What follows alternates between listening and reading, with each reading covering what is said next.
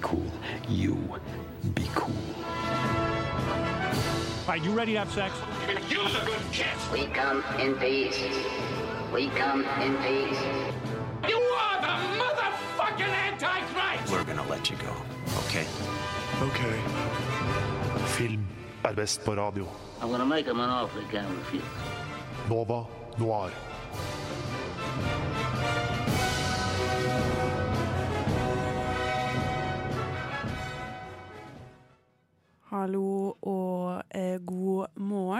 Torsdag, det er, klokka er ti, og du er, hører på Radio Nova, og altså da Nova Noir, filmprogrammet her på Radio Nova.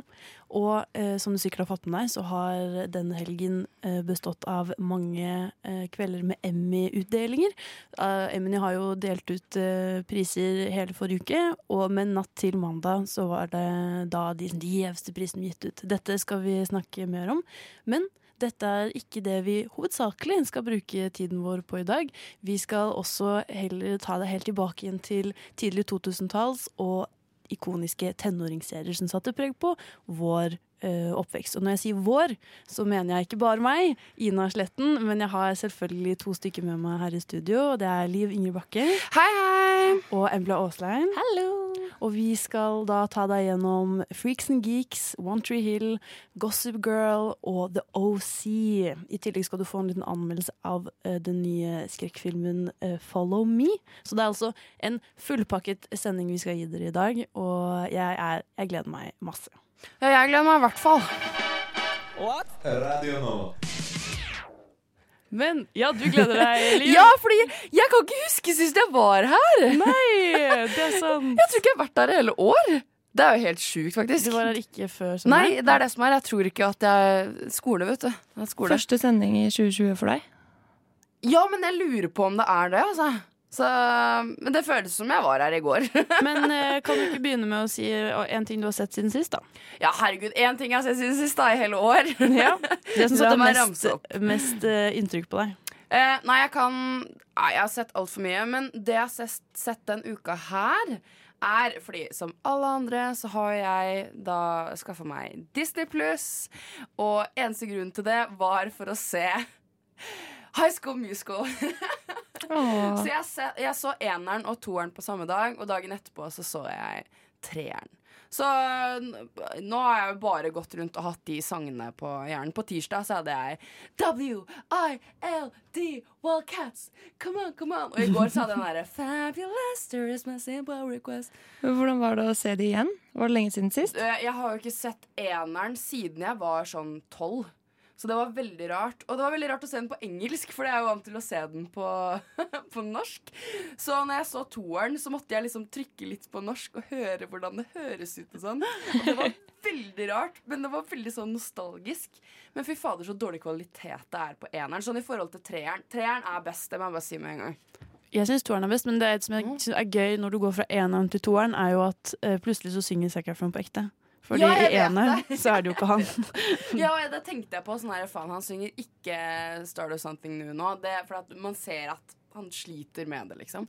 Men eh, Ja. nei, det var veldig gøy å se treeren. Den var liksom litt ordentlig kvalitet og, og ja. Men så du TV-serien? For det har jo kommet en Nei, High School men det så jeg TV-serie. lå på eh, Disney Plus. Kanskje, jeg må- kanskje jeg må titte litt på den, da. Jeg vurderer å få Disney Pluss bare for å se på den serien. Ja. Ja, så lenge det ikke er sånn Disney Channel-aktig serie, så Men du har ikke Disney Pluss, men hva er det du har sett eh, i det siste? Dembla? Åh, det er det, da. Jeg har jo sett halve Jeg sovna, ikke fordi den var kjedelig, men fordi jeg var sliten. Halve uh, The Social Dilemma. Tror jeg den heter. Ja. Har dere fått med dere det? Den dokumentaren på Netflix? Ja, for den har jo gått litt sånn viralt nå. Det er jo en, nok en sånn dokumentar som er sånn sosiale medier er dårlig. Du blir manipulert og avhengig. Og, Jeg tror kanskje jeg har hørt det. ja, og nå er jo alle Vi hadde en sånn diskusjon i klassen, blant annet, der alle var sånn Vi er avhengige av mobilene våre, og liksom Jeg føler det kommer jevne mellomrom en litt sånn der eh, bølge der alle blir veldig redde for sosiale medier, og nå er jeg der. Um, så jeg har liksom gått og skrudd av alle varsler på mobilen min og prøvd å bli veldig bevisst. Du vet når du kjenner den sånn kriblende følelsen i fingrene, som du må strekke deg til mobilen. Ja. Nå er jeg blir så bevisst den, så hver gang jeg får den, så er jeg sånn å nei. Ja, fordi man blir litt sånn redd av å se den dokumentaren. Mm. Absolutt. Å, shit. Jeg føler at jeg blir helt sånn stressa av å tenke på det. Men uh, syns du den er bra, da, dokumentaren? Nei, ikke egentlig. Ah. Den har sånne der fiksjonsbiter. Der de sånn, en ting er at de har liksom også eksperter som sitter og snakker om hvordan de har liksom lurt deg til å bli avhengig, men så legger de inn sånn dramafiksjonsbiter hvor det er noen som liksom spiller ut scener hvor de er avhengig, og de er så dårlige! Å ja, de er dårlige. For Ja. Jeg tenkte sånn, å, det her hørtes jo litt morsomt ut. Å, Kanskje det- det her er dokumentar for meg, for jeg liker jo ikke dokumentar. Men det, blir, det holder det underholdende, da. Du bør Ja, okay. se den. Men det Mm, blir ja. bare verre og verre og kleinere og kleinere. Den ligger på Netflix? Hva har du sett siden sist, da, Ina? Eh, Jeg har også sett eh, noe som eh, egentlig har gått litt viralt, i hvert fall. Og det er jo den nye Paris Hilton-dokumentaren. This is Paris. Ja, det har jeg hørt om. Den Den sett på ligger- TikTok. Mm, den ligger gratis, helt, helt tilgjengelig på YouTube. Eh, tar litt over eller, halvannen time. Veldig, veldig bra. Og jeg gikk inn og hadde liksom litt forventninger til at OK, Paris Hilton skal forklare at hun hadde en tragisk oppvekst og stakkars meg-typ, men hun er skikkelig sånn ærlig og Mm. blotter seg selv veldig. Og så er det egentlig bare en ekstremt spennende familiedynamikk. Og hun er veldig ærlig om sånn hun hadde faktisk det helt jævlig når hun vokste opp, eh, og det tror jeg, jeg synes er utrolig godt at hun klarer å komme ut med det. Jeg så bare sånn liten sånn teaser på at eh, hun har faka stemmen sin. Ja. Så jeg liksom så bare et lite klipp der hun faktisk snakker ganske mørkt. Sånn her, liksom. Ja, og det er det, sånn, Hun er helt annerledes enn det du forventer. da. Men det, det, altså jeg liker Paris Hilton, da, for jeg syns det er så morsomt at hun liksom på en måte har lagd en karakter ut av seg selv, og så hater så mange på henne, men det er sånn er jo bare en karakter, hallo. Men er det ikke litt dumt å spille en karakter? Eller sånn Nei, det er Det- jævlig smart. Det er jo det. Hun er jo karrierekvinne. Sofie Ja. Elise også føler jeg gjør litt det. Ja, det er jo Hun kanskje et lurt Hun er veldig inspirert av eh, både Lindsay Lohan og, ja. og eh, Paris Hilton. Liksom. ja, for det er et lurt karrieremove, men Ja. samtidig, du spiller jo en annen person Ja. enn deg selv. i- Det kan jo ikke være sunt å måtte spille et annet menneske i så mange år. Ja, det er jo det det Uansett om man liker Paris Hilton eller ikke, så er det veldig interessant å se på bare Du får se livet til en Mm. influenser. Sånn, hun har for eksempel ekstremt mange Mac-er. Fordi for hun trenger en for hver by hun skal uh, turnere i, men også fordi hun trenger en for hver kjæreste hun har hatt. Fordi okay. uh, hvis, uh, han slår opp, eller hvis hun slår opp med dem, så kan det at eh, de hacker seg inn på PC-en og stjeler masse informasjon. Åh, eller private bilder og sånn. Så hun Oi. lever jo et veldig sånn øh, forsiktig liv og er veldig paranoid og redd for at folk skal utnytte henne. Ja, det hørtes veldig slitsomt ut. Så uansett så burde man bare se den bare fordi det er veldig interessant å se en influenser sitt øh, privatliv, rett og slett. Men okay. ja, for jeg hørte rykter om at hun har en søster som er med, stemmer det? Mhm. Som er br så brutalt ærlig. altså. Hun er Oi. et fascinerende menneske. Åh, hva er det hun heter igjen? Jeg husker ikke hva hun heter. Uh, oh. Men også sånn fi uh, rart navn. Uh, Ja. Men eh, hun er også sånn Du blir veldig sånn, de, Hvordan de to prater med hverandre, er veldig rart. Eller sånn, hun er veldig streng med Paris, som jeg ser at hun fortjener. Eller ikke fortjener, men trenger. da En som ikke sugarcoater det. Og er veldig sånn du, kan ikke, du må ta en ferie, liksom. Du kan ikke holde på på den måten. Samtidig som hun er veldig litt forståelsesfull når Paris er ærlig om fortiden sin. da Um, og det, jeg skal ikke si noe mer om det. Men, men ikke helten, heter hun.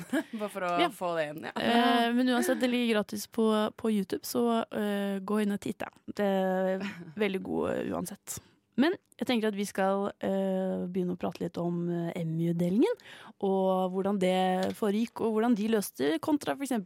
Amanda-prisen. da. Men jeg tenker vi skal høre en liten sang før den tid. Og det er 'Kona og ikke en mann' av Føkkefjord. Nova Noir. Og da skal vi prate om eh, den eh, gjeve prisutdelingen som foregikk eh, denne helgen. Og vi tenker jo at vi prater mest om de som skjedde natt til mandag, da. Og liksom de største og gjeveste prisene. Og det er jo litt sånn som Vi hadde jo en, en sending hvor vi pratet litt om Amanda for noen uker tilbake. Og hvordan de løste det. Da hadde de jo et par stykker i salen med veldig stort mellomrom. Så jo litt stusslig ut, eh, egentlig. Men eh, under Emmy, nattens Emmy-utdeling, eller ja, denne ukens Emmy-utdeling, så var det ingen i salen. Og det var vel eh, Jim Fallon. Nei, Jim Kimmel. Jimmy Kimmel. Jim Kimmel, faen altså. jeg blander alltid de to. Men uh, Jim Fallon som eh, Nei. Jimmy Kimmel. Fy faen!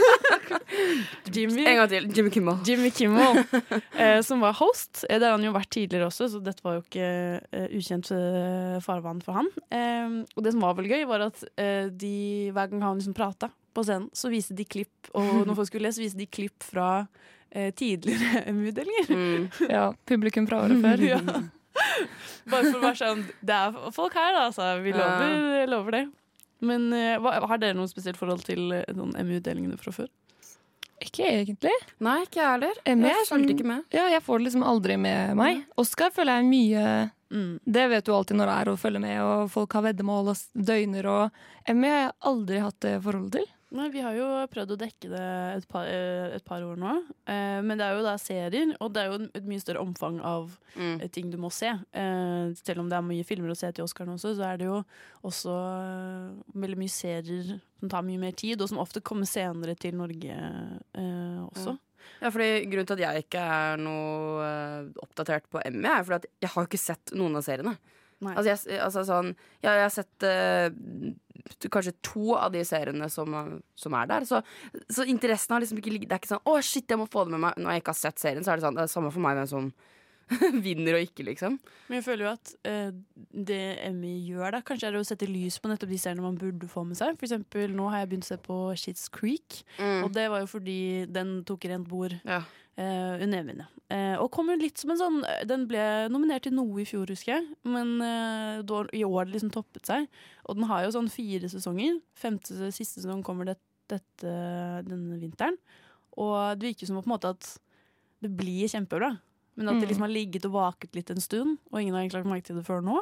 Ja, for jeg var sånn Hva er denne serien? Hvorfor, hvorfor vinner den alle prisene? Altså, liksom, googlet, jeg var sånn, Dette må være en ny, kul, hipp serie jeg bare ikke har fått med meg. Så har den gått siden 2015. Å ja, Hvor, hvorfor what? har ikke jeg fått med meg Har noen fått med seg Shits Creek? Jeg syns den bare høres jævlig rar ut. Shits Creek, liksom. Den er veldig rar. Den handler jo om en eh, veldig rik familie som eh, plutselig mister alle pengene sine. Og så kommer de på at eh, for noen år tilbake så eh, kjøpte faren en, en liten by på kødd til sønnen sin. Eller sånn, og, sånn, og da sier advokaten bare ja, ok, dette, kan, hende- dette er den eneste muligheten dere har akkurat nå. Dere må flytte hit, og så kan dere betale sykt lite leie, og så kan dere liksom bygge dere opp igjen. da.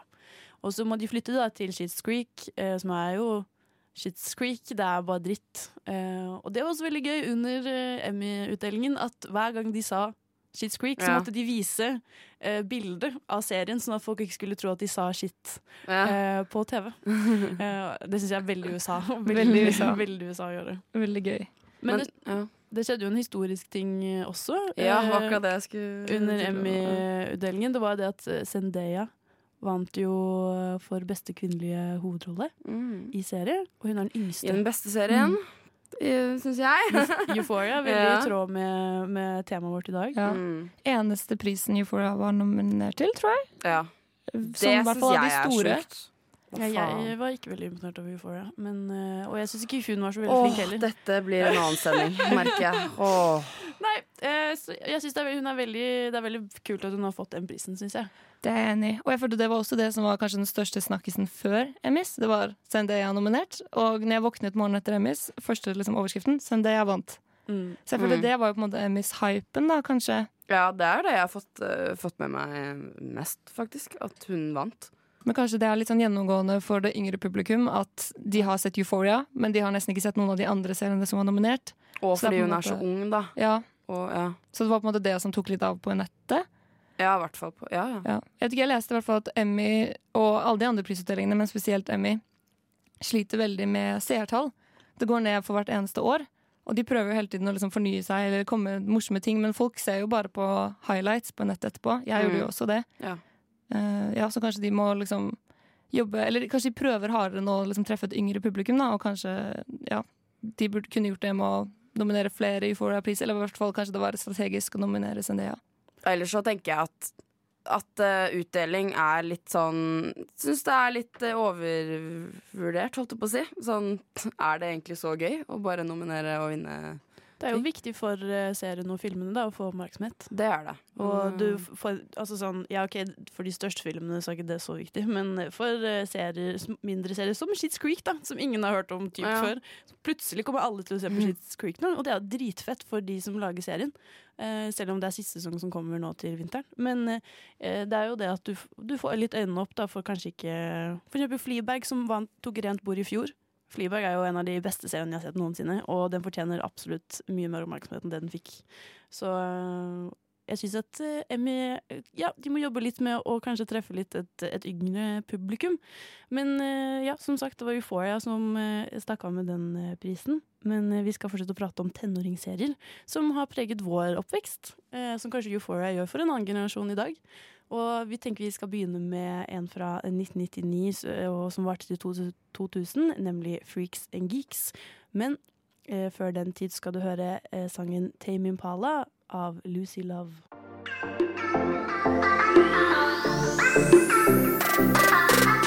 Du lytter til Nova Noir her på Radio Nova.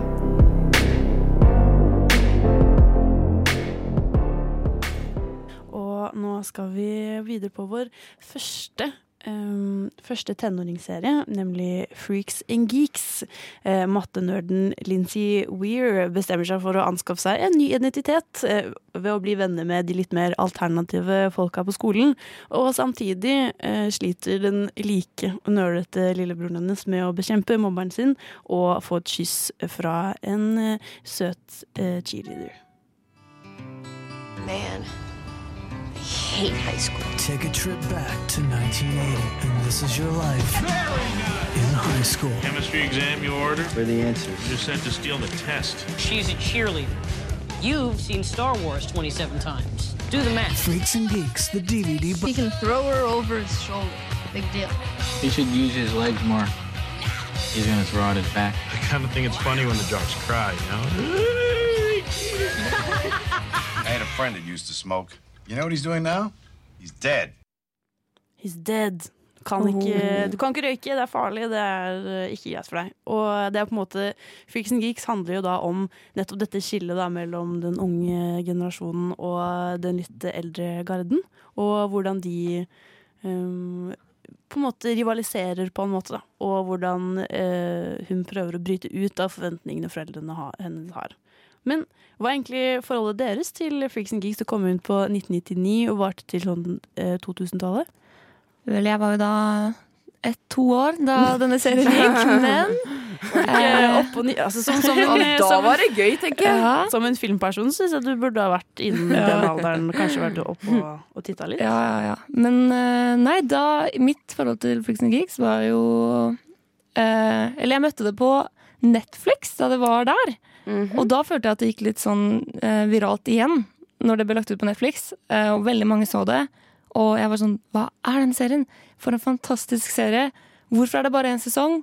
Eh, og bare ble helt avhengig. Og så hele greia to ganger på rappen og bare syntes det var et helt fantastisk univers. Hva med dere? Jeg husker også at jeg fant det på Tumblr. Fant jeg det da eh, Og eh, når jeg var syk, syk sånn 13-14 år gammel. Og det treffer jo så hardt, for det er jo uh, for det første så mange kule karakterer, men også veldig mye skuespillere som har blitt store uh, i ettertid. Altså James Franco er jo med, hun som spiller Lincy er jo Linda Cardell Cardellini. Og Hun har jeg aldri hørt om. hun er jo med i masse. Hun er blant annet med i den Dead to Me, som også var Emmy-nominert.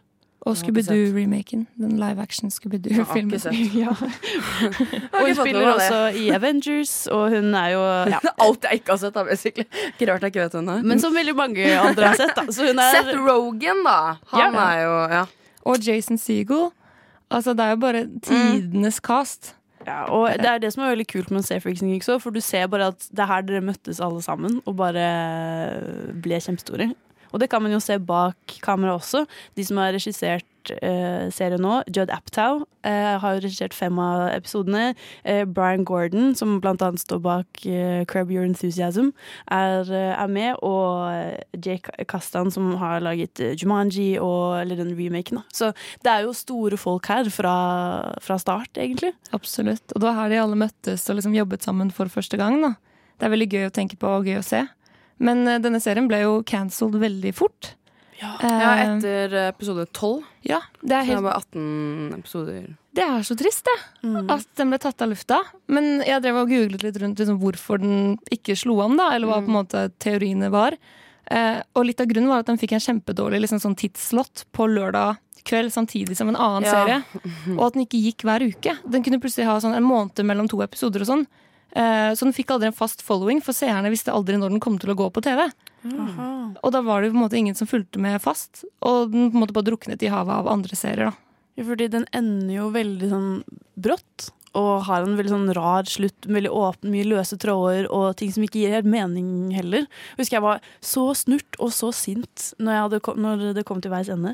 Og, men det er egentlig litt rart da, at den ikke har Det er jo sikkert nettopp fordi de er så svære nå, så de har kanskje ikke tid lenger. Men eh, det hadde jo vært utrolig fett egentlig om det hadde blitt en fortsettelse eller en, en slags rem, Kanskje ikke remake, men ja. En, en Reboot. Ja, eller bare en, en oppfølger, kanskje. Hvor, det, hvor er de nå? Hva, hva skjedde egentlig? Driver han fortsatt med disko? Men jeg tror det var derfor den ble litt sånn kult eh, populær, holdt på å si. Fordi at den liksom bare stoppa veldig brått. Ja, Det hadde kanskje ikke blitt en kultklassiker hvis den hadde Nei, fått gå mange det, sesonger. ja. Du sier noe der. Ja, det er sant. Jeg tenker at vi bare skal gå helt, helt tilbake og bare se på den første episoden, og hvordan vi ble kjent med eh, de forskjellige karakterene. Men jeg vil gjerne at vi skal liksom komme oss ordentlig inn i eh, Freaks and Geeks-universet. Og da tenker jeg at vi skal spille introlåta til, eh, til serien, hvor alle setter seg ned og tar sånne schoolbook-bilder. Eh, og da spilles nemlig Bad Reputation av Joan Jett and The Black, Blackhearts. Så du skal få selv, selvfølgelig høre den nå. Du hører på Nova Noir. Hey, who do you think you are, anyway? Answer me, or I destroy you. Og da skal vi eh, egentlig bare prate om eh, den første episoden, pilotepisoden til eh, Freaks and Geeks. Og jeg syns den begynner eh, utrolig flott med at du kommer inn på fotballbanen, du, kameraet svinger opp mot tribunene, så ser du på dette flotte eh, fotballidioten og eh, cheerleaderne som sitter og prater sammen. Og han bare sånn, vet du hva, jeg bare elsker deg så mye at det gjør vondt, liksom. Eh, og så faller kameraet ned til under eh, tribunen, hvor eh, da eh, den litt kulere alternativgjengen sitter og prater om at han tok på seg en eh, T-skjorte med et avkappa hode og dro til kirken, da. Eh, og syntes hvor jævlig fett det var. Og det er jo James Franco eh, som, som står der og, og skryter i, i skinnjakken sin. Fantastisk. Veldig, veldig flott åpning, egentlig. Mens Lincy står og ser på på hjørnet, Ja. og ikke helt tør å gå bort og prate med de. Ja, også sånn, og det syns jeg er veldig egentlig Det er jo veldig planlagt på åpenbart, men jeg syns at det sier veldig mye Eller kjenner meg igjen i den. Og du ser de, du ser de kule, og så står du litt sånn på sida og litt sånn usikker hvordan du skal liksom konfrontere de eller henge med de. da Du har veldig lyst, men du vet ikke helt hvordan. Ja, fantastisk. Og så går man jo videre til uh, lillebroren hennes, som uh, blir mobbet konstant. Og uh, blir fort Kjenner fort på det at sånn Det er ikke så lett å gå på høyskole, egentlig, da. Eh, men eh, men hva, hva, hvilke følelser fikk dere når dere så uh, første episode? Det er jo bare en ekstremt sånn koselig, hyggelig, overdrevet univers. Uh, noe jeg hadde glemt, er hvor brått de skifter musikken. Som bare den scenen du beskrev nå, så har de tre forskjellige låter. Så de, liksom, de fader dem ikke inn og ut. De liksom bare Nå er de med The Freaks, da så blir det en kjempehøy alternativ rocklåt. Og så liksom går de videre til Geeksa, da bytter de musikk kjempebrått. Liksom, det er en veldig sånn humoristisk sitt stil. Og går veldig fort og brått. Og alle karakterene er så overdrevne. De er så stereotyper. Og det er så gøy Uh, at de tar seg selv så lite høytidelig. Spesielt han Bølla. Han er det beste eksempelet. Ja. Han mobberen. Han, alt han sier er sånn 'you're dead'. Og liksom, han bare løper rundt og roper det til alle. Og sånn 'When your sister is there, I'm gonna smash you'. Men det er jo også det som på en måte er veldig gøy med de her eh, gamle tenåringsseriene. At det er så veldig stereotypi, stereotypier.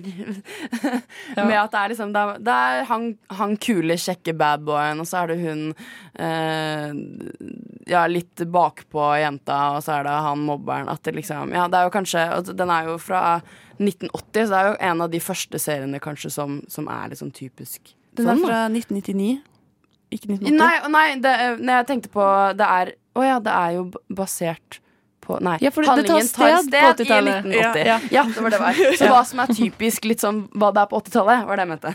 Jo, men absolutt. Ja. Og jeg tror det er det den vil jo gjerne treffe uh, et visst publikum. Og den Mm. vil jo For det er det, den skriker veldig sånn frustrert tenåring, som flere av de kommende seriene også gjør, og treffer mange kjeller. Men du kan også da være eldre og se på den og tenke sånn Mm. Ja, det var meg, eller sånn Å, kjenne igjen den, liksom. Eh, og jeg tror det er liksom det at de spiller jo veldig, veldig på sånn Jeg kjenner den fyren der. Jeg kjenner hun jenta der. Hun går i klassen min, føler jeg. Men altså, det, jeg, den skriker ikke veldig høyt til meg, merker jeg. Fordi det er sånn jeg tenker litt mer på sånn ah, Mamma kanskje syns eh, det er litt gøy å se på. Fordi at det er det derre 80-tallshåret og klæra, store øreringer og Det er liksom ikke helt noe jeg kan på en måte relatere meg til. Så jeg var ikke så fan av den serien her, egentlig. Syns den var litt teit, egentlig. Men det er jo smak og behag, da. Jeg er jo litt mer på ja, de andre seriene som vi skal snakke om. eh, om senere. Men det er jo veldig gøy på en måte å høre hvordan dere tenker om det. Sånn i motsetning til meg. Mm. Men jeg føler nå når jeg så første episode på nytt, så tenker jeg at den tar jo opp veldig mye temaer som jeg føler går igjen i alle tenåringsserier, egentlig. Dette med sånn forventninger fra foreldre. Du skal jo Mhm. gjøre det her og det her. Vi har denne planen for, for deg. Og, og så bryter vedkommende med det, og så handler det om å, å, å være rebell, da. Eh, på forskjellige typer måter. Dette er åpenbart en veldig sånn eh, alter, sånn veldig rebell utseendemessig også, eh, ikke bare utreagerende. Så jeg føler jo at Freaks and Geeks fortsatt er relevant på den måten at det er det er problemstillinger tenåringer generelt alltid kommer til å kjenne seg igjen i. Og jeg føler de er veldig gode på at sånn gjennom serien så bryter også alle forventningene du har til karakterene. Liksom Han ene som du liker kjempegodt og som er supersjarmerende, han blir litt drittsekk. Og Mhm. drittsekken blir litt menneskelig. Og liksom eh, Til å være en serie som kom på 90-tallet. Du må tenke liksom sånn eh, Den gikk jo parallelt med Friends. Og liksom en tid hvor en annen type humor egentlig var veldig populær, og hvor andre typer karakterer og karakterer som ikke forandret seg så mye, var populære på TV. Så sånn sett var den jo veldig, veldig revolusjonerende for sin tid, og mange sier jo at det var en serie litt før sin tid. At den hadde gjort det bedre egentlig nå enn da den kom ut, og at folk ikke var helt klare for den. Da hadde den jo sikkert gjort sånn som med eh, typ Ja, det er så mange serier nå som spiller veldig på den nostalgien og den, eh, det uttrykket, da. Mm. Så jeg tror, jeg tror litt det også at grunnen til at den fikk så mye oppsving når den kom på Netflix, for eksempel, var fordi den treffer alle de rette punktene av det man ser etter i dag, da, egentlig. Men det var da Freaks and Geeks, eh, som eh, ikke kanskje har truffet så mange når den kom, men har blitt relevant for flere og flere eh, i de siste årene. Men nå skal vi snakke om en eh, serie som jeg husker i hvert fall at jeg løp hjem fra skolen eh, hver dag for å, se, eh, for å se på TV, og det var nemlig One Tree Hill. Men aller først skal du høre Hun er naken av Slim Gulli og Markus ASM. Og nå skal vi videre på One Tree Hill, en tenåringsserie som begynte i 2003, eh, og som kanskje flere har et litt eh, nært forhold til. Det handler jo om eh, halv, sånn halvsøsknene Lucas og Nathan Scott, som går på samme high school, og egentlig ikke har så mye med hverandre å gjøre, inntil det blir et problem på bassballaget, og de trenger nye spillere. Og da, som Nathan spiller på, da. Eh, og hvem andre skal vi bruke da? Ja, da må vi bruke eh, Lucas, eh, halvbroren, som eh, ingen har eh, snakket om eh, før. Og han infiltrerer jo vennegjengen og generelt livet til Nathan, som byr på eh, forskjellige typer utfordringer. Behind the rumors of a small town lies the truth about two strangers. One was given a life of privilege. The other was never given a chance. It's got her last name, Dad. What do you want? What do you want, man? I mean, other than my girlfriend. Now they are about to find out they are brothers. Never mentioned me, man. Not once in all these years. Ja, så veldig fint og dramatisk fortalt eh, på traileren. Eh, det at den sier at de skal finne ut at de er brødre, det er jo ikke sant. Det, det- det visste de faktisk fra før. Pynte på sannheten for, eh, traileren For å selge. Ja. For det er veldig ikonisk 2003 at man bare Mm. har denne fortellerstemmen i, eh, i bakgrunnen. Men ja, One Tree Hill, dere. Eh, dere hadde litt forskjellig forhold til eh, Freaks and Geeks, men hva- hvordan står dere på, på denne serien? Jeg har jo aldri sett One Tree Hill. Jeg så første episoden til den sendingen her nå. Og jeg, altså jeg vet faktisk ikke helt hvorfor, Fordi jeg må jo ha sett Jeg tror jeg var litt mer innom eh, Disney Channel eh, og Hanne Montana og sånn, sikkert. Fordi jeg, Ellers så er det bare at jeg har bare protestert liksom mot å se det. Jeg bare sånn, Nei, det er så det er, det er teit, sikkert. Jeg vil ikke se det. det er, jo, nei, jeg orker ikke, liksom. Så jeg har liksom aldri Men jeg vet liksom ikke hvorfor, egentlig. Uh, ja, fordi Ja, fordi dette var sånn min serie. Ja, Sånn, ja, ja, men alle sin serie. Ja, det er det, for det gikk jo på TV Norge. Jeg husker det veldig godt at eh, hele barneskolen Så jeg bodde jo fem minutter unna barneskolen min, så jeg spurtet hjem, Mm. satt på vannkokeren, eh, kokte meg noen nudler, Ja, og så eh, føyk inn på eh, stua og så på en ny episode av One Tree Hill. Mm. Eh, og det har, liksom, det har vært med meg alltid. Jeg husker at jeg gikk med klokka mi feil vei fordi det var det Peyton gjorde. Eh, jeg syns at eh, Lux var til å dø for. Mm. Det var liksom Alt var klaffet da for One Tree Hill. Jeg hadde akkurat samme opplevelse. Og jeg husker Peyton, hun er jo sånn kunstner, tegner masse. Jeg liksom prøvde å tegne de samme kunstverkene og liksom hørte på den samme musikken og drømte om å liksom bli som de. Og det var kanskje mitt første møte med å bli avhengig av en serie. Sånn binge-watching. Det er for meg One Tree Hill. Jeg kjøpte alle på DVD. Eh, og bare så DVD-ene igjen og igjen og igjen. Og det er aldri blitt så hekta på en serie etterpå heller. Det var bare sånn, Den traff meg så hardt. Men jeg føler det er også den eh, kanskje mest eh, kjente tenåringsserien, faktisk. Det er sånn her, ah, One Tree Hill, liksom. Så jeg er nesten litt sånn flau over at jeg ikke har sett det. Jeg har sikkert sett at det er gått på TV Norge, da, men så har jeg bare switcha forbi. For jeg gidder jo ikke å starte midt i, liksom. Så jeg har liksom aldri tatt meg tida til å starte på episode én, liksom. da Men når du så første episode nå, fikk du lyst til å se mer? Mm, nei, ikke. Nei, jeg vet ikke. Jeg bare Nei, jeg vet ikke. Jeg Kanskje litt, da. Men uh, det er jævlig dumt da at ikke Altså, ok, Hadde det gått liksom på Netflix, så hadde jeg jo tatt og kjørt gjennom noen episoder, liksom. Men det er jo det som er problemet. da Jeg får jo liksom ikke sett det. Så. Det var noe vi kjente veldig på i forhold til denne sendingen nå. At eh, Mm. eh, de, kom, de andre sendingene kom òg, og Freaks and Geeks uh, og One Tree Hill og The OC, alle tre var umulige å oppdra på norske strømmetjenester. Som det er jo veldig rart, Ja, egentlig. er Spesielt når folk har et sånn nært forhold eh, til seriene. At man ikke har en, en i hvert fall lovlig måte å, oppdrive til. Da. Synes jeg er veldig Men det er jo sikkert noen rettigheter og sånn. Jeg vet ikke, Det har jo vært mye drama på One Tree Hill, vet jeg, i hvert fall. I forhold til sånn betalinger og folk som har opplevd litt uh, div kjipe ting. Men jeg må si, fordi eh, jeg måtte jo lese litt gjennom Wikipedia. Sånn, ok, Hva er det det her egentlig handler om? Jeg skjønner jo at det er masse eh, Jenter liker gutt, og gutt liker jente. Altså er det sånn trekantdrama. Så når jeg leste gjennom, så ble jeg litt sånn Men her, han liker hun. Og hun liker også han. Så jeg ble jo forvirra bare av å lese Wikipedia. liksom ja, Hele serien er kjempeforvirrende. Og det er så mange karakterer. Og, Ja, ja, jeg bare Nei, det orker jeg ikke, tenkte jeg. Men, selv om det er egentlig det jeg liker. Men ja. Men ja, for det er jo en sånn serie som på en måte bare har holdt det gående. Eh, og de bare, plottene blir kanskje litt og litt sjukere for hver sesong, fordi de må liksom bare finne på mer og mer fyll. Eh, liksom, og det føler jeg er veldig stereotypisk for alle de 2000-talls-TV-seriene. I tillegg så er det det med at alle i casten ser altfor gamle ut. De skal jo være 16 år, Ja. og de er jo alle i 20-årene. uh, det er en karakter jeg var sånn Han her ser jo faktisk ikke så gammel ut. Det var Nathan i piloten. Han, jeg var sånn, Oi, han ser jo ikke egentlig altfor gammel ut. Googlet det, og han er fire år yngre enn de andre. Han var bare 18 i piloten, oh, så han er nesten riktig alder. Men han spiller 16 år? Ok. Men eh, jeg tenker vi kanskje bare skal hoppe rett til eh, pilotepisoden Ja. og snakke litt om eh, ja, hvordan de ser ut som de er, egentlig er sånn 25. Men ja, uansett. Tenker, og det, som du sier, Liv, det begynner å bli komplisert allerede fra, Ja. i løpet av de første minuttene. Men jeg tenker du skal få lov til å gruble litt over ditt forhold til One Tree Hill før vi druser i gang. Og mens du gjør dette, kan du høre på I Don't Wanna Be av Gavin DeGraw, altså den ikoniske låta fra serien Chal, og som egentlig Jeg føler ikke at han har gjort så veldig mye annet enn det siden. Men uansett, her er i hvert fall eh, verdens beste låt.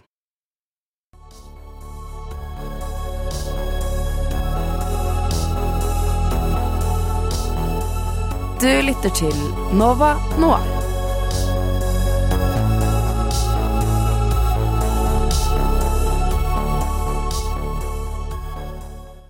Det var da verdens beste I Don't Wanna Be av uh, Gavin DeGraw. Og det må jeg bare si, folkens. Så mye bedre serier blir av sånne bra soundtracks, liksom. Åh, ja. Mitt navn er Hans Petter Moland. Du hører på Nova Noir, FM 99,3. Film er best på radio. Det var da den Og da er vi klare egentlig til å snakke om eh, pilotepisoden til One Tree Hill. Og, eh, og eh, ja, det begynner jo egentlig med det her at det er Jeg har bare skrevet i notatene mine Moody. sykt moody. Så jeg er moody, Ja, for det bare går Det er så veldig sånn Det begynner jo med Du ser Lucas på, på, på broa med sin ikoniske basketball, med hettegenseren sin. Alternativ rocklåt. Ja, og det er det her Mm, igjen. Masse musikk. Eh, det hopper sånn vel, Og det er veldig Egentlig, jeg tenkte over det. Det er mye rock. Veldig mye rock. Ja, veldig. Det, det reagerte jeg på. Jeg bare, Men- Oi, dæven, deilig. Det var litt Cheesy rock, liksom. Og Ja, hvis du sammenligner, sammenligner med la oss si litt nyere, nyere tenåringsserien, så er det mye pop. Eller mye Ja, sånn veldig eh, mye. R&B og sånn. Ja. Mhm. og, mens her er det mye Og det, det tenkte jeg over sånn Det er jo en serie som skal treffe sånn den alminnelige tenåring, eh, men likevel så går de ganske hardt ut med musikkbruken. Eh, spesielt når det er den basketballkampen eh, på starten, så er det jo veldig intens rockemusikk der. Men det må jeg bare si, det, det er nesten liker best med litt eh, eldre tenåringsserier. er At jeg får så sykt mye god musikk inn på Spotify-lista mi av å se gjennom serier og sånn. Det samme gjelder jo sånn Goss- Gossip Girl, når jeg så det på nytt igjen. Så vi kommer tilbake til. Altså, så mye god musikk. Hvorfor lager vi ikke sånn her musikk fortsatt? Åh, jeg, jeg skjønner ikke. Ordentlig rock og litt sånn punk. Det, det, jeg skal begynne å se One Tree Hill bare pga. det. Ja, men det, er det, Trenger som, litt ny musikk. det er det som er veldig kult, fordi du får jo eh, det som jeg tror alle tenåringsserier står overfor, er jo nettopp fordi den skal treffe så mange som mulig, så har de ekstremt mange karakterer. Og Mhm. veldig mange som må introduseres da i løpet av den første episoden. Og det syns jeg kanskje One Tree Hill gjør på en litt eh, for lettvint måte til tider. Eh, For nå er det jo veldig sånn Her får du Her er han, her er han. Og det er veldig mye sånn Der er du, person og fulle navn, Ja, og din relasjon til alle sammen. Nesten alle karakterene har en scene med hverandre i piloten, sånn at du skal skjønne hvordan alle står i forhold til hverandre. Og liksom Her er ståa. Ikke noe skjul på det. Og spesielt uh, Whitney Nei. Whitey. Whitey. Søren, ass. Uh, Whitey er jo han som er liksom lags, Han er kaptein, nei, heter det, treneren til basketballaget. Og gjennom hele episoden så er han bare sånn Well, well, Key Scott. Og bare sånn Deons other son. Og bare sånn forklarer ja, sånn all sånn, informasjon. Han Ja. viderebringer all informasjon til, til seeren, og jeg tenkte bare sånn Det er alt du er. Nei, men fordi at Jeg tenker jo det er en god ting, for det er jo det piloten på en måte er for. At man skal kunne introdusere alle på best mulig måte. Men jeg tenkte ikke så veldig på det. Men det er fordi jeg ikke har sett resten. da Hvordan det var gjort. liksom Og det er jo det at du skal få lyst til å se mer. Du har lyst til å prøve å finne Ja, Ok, det fikk her er ikke. Ja, det er det, det fikk jo ikke du. Det men fikk det er jo det at du liksom skal se på relasjonene og tenke sånn Her er det noe spennende, her vil jeg prøve. Og det er jo det hele første episode handler om, på en måte. Ja, for Jeg ble litt forvirra, egentlig. Jeg skjønte liksom ikke helt hvem som var hvem. Jeg faktisk Jeg, jeg skjønte veldig godt hvem Lucas og Nathan og Pay Peyton er, og faren, men treneren Nei, det ble så mye greier. Det er mange folk. Ja, veldig. Og så er det jo det, dette er jo ikke alle engang. Fordi en av de ikoniske karakterene, Brooke, er jo ikke ikke ja, med. Hun kommer ikke med før neste Nei, nei. episode. Ja. Hun Eh, savna jeg, for hun tenkte jeg Hun husker jeg. Hun er morsom. det? Nei, Nei, det er Hailey. Hailey. Ja, hun er med, men Brooke, ja, Brooke, ja. Ja. Ja, stemmer det. Hun er den eneste karakteren som etter hun kommer i episode to, er med i absolutt alle episoder etterpå. Ah, ja. Jeg syns det er litt gøy å tenke på. At hun ikke ble prioritert på Spoiler det beste sist, eller? Mm. Ja. Men hva følte du når du eh, så denne episoden igjen, Blad? Eh, den går utrolig mye treigere enn jeg huska. Eh, at liksom, jeg er veldig stolt av at dette er en serie som har gått så lenge. Når liksom, tempo er så treigt, og det er så mange karakterer. Hvordan har folk orket å henge med her? Eh, fordi liksom de, er jo ikke en serie som sånn umiddelbart fanger deg. Eh, sånn som Liv, du hadde jo ikke den erfaringen, på en måte. Nei, Men for meg var det ubernostalgisk, for dette Ja. var jo liksom livet mitt da jeg var barn. Ja. Men eh, nei, jeg tenkte bare på at eh, det er så mye ting som ikke går helt opp her. Sånn Lucas skal, han er ikke en troverdig karakter. Han er jo Særlig at han er 16, går rundt med de der litterære referansene sine og Herregud! Å ja, ja. Men det er et interessant spørsmål, eh, Embla. Fordi hvem syns du var kjekkest når du var ung? Selvfølgelig Lucas. Ja, Og hvem Ja. syns du er kjekkest i dag? Selvfølgelig Nathan. Ikke sant? Det er så gøy at sånn, du begynner med å liksom tenke at ah, han er, den, han er den, den sårbare, smarte luringen, og så og tenker at han er kulest. Han er en pikk på så mange mulige måter. Nathan derimot, uh, han er også en pikk i episode 1, men han blir veldig mye bedre i løpet av serien. den beste karakteren. Så de bare switcher roles, Ja, ja, ja. eh, typ? Nei, 100%. guri land. Fikk jeg litt lyst Det er mye som skjer Ja, ja, ja. eh, i de Oi, oi, oi, oi, oi. Ja, ja, Jeg liker ikke hun Peyton. Hvorfor er hun så jævlig frekk Hvorfor er hun så jævlig frekk mot han Lucas, liksom? Forklar meg det, vær så snill. Men det tenkte jeg Jeg vet ikke hvorfor. Det er fordi hun er cool girl. Ja, det er derfor, for Men- det syns jeg var kjempeteit. Men hun var jo på en måte den første influenseren. ja. Fuck Paris Hilton! Hun satt, og så på, hun satt jo og broadcastet livet sitt på, på festen så tidlig. Ja, det er så gøy at hun har på sånn webcam bare 24-7, og at hun i eh, sesong sesong to, som da kanskje ble spilt inn i 2005, da, så har hun jo sin egen podkast. Det er så før sin Oi, tid. wow. Ja. Hun har alltid hun har hatt plateselskap, hun har bare, og det er det jeg tror bare idealiserte hun ekstremt mye når jeg var ung. Eh, til og med også så i ettertid at hun er jo, som du sier, Liv, eh, ganske frekk og kjip. Ja, Eh, ganske eh, irriterende karakter. Jeg syns så synd på Lucas. Men det er greit. Ja. Men jeg syns også det er gøy at liksom eh, For jeg leste at Chad Michael Murray, som spiller liksom Lucas, da som, Han skulle egentlig bli castet til Nathan. Altså, han Ja, skulle det spille, leste jeg selv, ja. han skulle spille The Bad Boy, men han ville ikke. Mm. Og han, var jo, han hadde jo vært med i Dawson's Creek rett før det her, så han var veldig sånn Eh, veldig populær, så han fikk velge selv da, hvem han skulle spille. Og han var sånn, folk kommer til å like Lucas best, så jeg velger Lucas. Eh, han, spiller, han ble også tilbudt samtidig hovedrollen i The OC. Oi, er det sant? Og han er i dag med i Riverdale. Så snakk om en fyr som har vært med i alt. hvem er med i Riverdale? Chad Ho- Lucas. Han spiller kultlederen i Riverdale. Hæ?! Ja. Han har bare Nei. blitt litt eldre. Ja, men hæ? Er ikke han sånn 40 år nå? Jo. jo, men han spiller kultlederen i Riverdale. Kult, kultlederen? Ja. Jeg har jo sett OK, jeg skal google det her. Men eh, jeg tenker at, eh, som du nevnte, Embla, han var jo med i The OC, og det er den neste serien vi skal eh, prate om. Men eh, vi skal også ha en liten eh, pause nå og eh, ha en anmeldelse, altså Follow Me. Og det er meg, det er Ina som har den anmeldelsen. Men den skulle egentlig bli spilt forrige uke, men fordi det ikke ble sending, så kom ikke den med. Så da har du gleden av å høre den i dag. Så da er det bare å høre i mellomtiden. Før innslaget kommer, så er det Som en mann av Bekkedal. Kids, it's Cole. This is ERL. I've traveled all over the world looking for the wildest experiences. You watched, commented, and told me what to do next. I'm in a coffin being buried alive. Okay, it's not so bad. Hello? Where do you take a guy that's been everywhere? To an escape room experience in Moscow. I've been to escape rooms, man. But not one like this. You have to be personally invited to. I have a buddy in Moscow, and this guy is next level loaded. So we came halfway around the world. What do you have planned for us? You have never seen anything like it. Keegan Allen. Et kjent fjes for de som så på Pitty Little Liars. Han spiller influenseren Cole, som har delt livet sitt på internett i snart ti år. Gjennom vlogger, avsinnssyke eventyr og en generell deling av hverdagen har Cole bygd seg en følgerskare på mange millioner tilhengere. Sulten på mer og bedre innhold til kanalen, så reiser Cole til Moskva for å teste et sagnomsust escape room som vennegjengen har booket til feiringen av jubileet. Men mens målet om å presse grenser for å nå nye følgere stadig blir høyere, begynner det å bli vanskeligere og vanskeligere å skille mellom lek og virkelighet. Someone should be here. What the hell is this? What happened here? What if this is part of it? This is your guy you were just talking to. I don't know him all that well. What? We were in Russia with some guy that you barely know? Are you crazy? It's a game. He's probably laughing at you right now. He's messing with us. He's not messing with us. What do we I don't know. I don't know. Everybody just relax. Relax? We need to get out of here. We need to get to safety.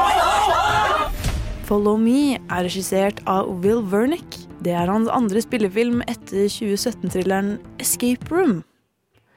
Mm, Men den handler, den handler om en vennegjeng som drar til et escape room hvor ting går galt. Mm, uansett. What are they doing? It's torturing us. I get that there are two sides of you. I, I just don't really know the real you. Ved første øyekast kan Follow Me oppfattes som en under gjennomsnittet spennende film med et ekstremt åpenbart plott eh, som fortelles gjennom skuespillere som kan lite annet enn å være digge. Men her tar du faktisk fryktelig feil. Follow Me har nemlig et nokså tvetydig, dyptpløyende mål om å stille de mest brennaktuelle spørsmålene i dagens samfunn. Digital kultur, likesjag, hva er en villig til å gjøre for penger? Og aller, aller viktigst, USA sitt forhold til Russland. You know how much they pay to watch people like you get torn apart? Are you broadcasting this? Wernick vil få oss til å tenke. Hva er det vi driver med i denne digitale kulturen? Når kjæresten Erin blir antastet på en bar, og alt Cole bryr seg om er hvorvidt han fikk det med på film, hva sier det om samfunnet vårt? Vi kan alle se det. Cole er fortapt. Og han representerer en hel generasjon som er på vei i samme retning. Når han drar opp mobilen i store folkemengder for å oppdatere fansen, går det kaldt nedover ryggen på deg. Du skammer deg. Og hva med Russland, demokratiets største fiende? Som er så vakkert og fristende, med Den røde plass, gylne hoteller og St. Basils katedral. De kan umulig bedrive med homohat og tukling av stemmesedler. Hæ? It's been a strange night. I don't feel like myself. OK. Greit. Follow me er kanskje noe av det kjedeligste jeg har sett i år. Men om du legger godvilja veldig, veldig, veldig til, ja, da kan det også muligens være noe av det smarteste også. Tre av ti.